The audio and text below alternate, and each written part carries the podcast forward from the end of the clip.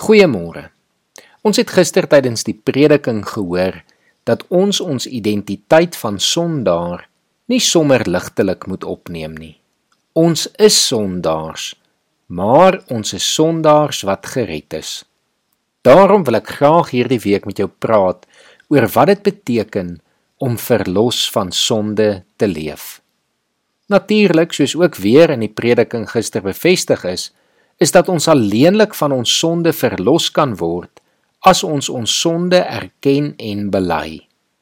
Jesus het reeds die offer gebring en wanneer ons hom as ons verlosser aanvaar, dan word ons van ons sonde skuld vrygespreek.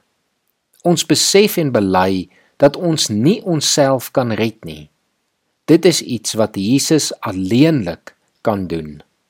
Hy was die enigste een wat waardig genoeg was om 'n offer te bring wat ons sonde skuld kon afwas. Ons geloof in hom is dan wat ons vrymaak. Daarom dat Romeine 8 vers 1 vir ons die versekering kan gee dat die wat in Christus is, geen veroordeling hoef te vrees nie. Die Heidelbergse Katekismus vraag 1 vra: Wat is jou enigste troos in lewe en in sterwe? En die antwoord is dat ek met liggaam en siel in lewe en in sterwe nie aan myself nie, maar aan my getroue verlosser, Jesus Christus behoort. Hy het met sy kosbare bloed vir my al my sondes ten volle betaal.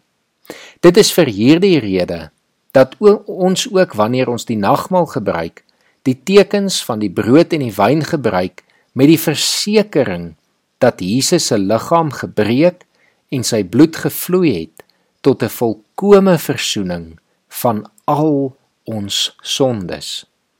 Ons kan onsself nie red nie, maar ons het redding nodig. Ons het 'n ewige redder in Jesus Christus gevind wat God was maar mens geword het om ons plek in te neem sodat ons die ewige lewe kan hê. Die eerste stap om verlos van sonde te leef is dus om Jesus as ons verlosser te bely.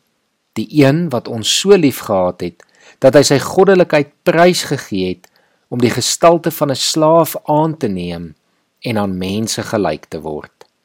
Dit het hy gedoen terwyl ons nog sondaars was. Romeine 5 vers 6 tot 11 verwoord hierdie baie mooi en ek lees dit graag vanoggend vir ons voor.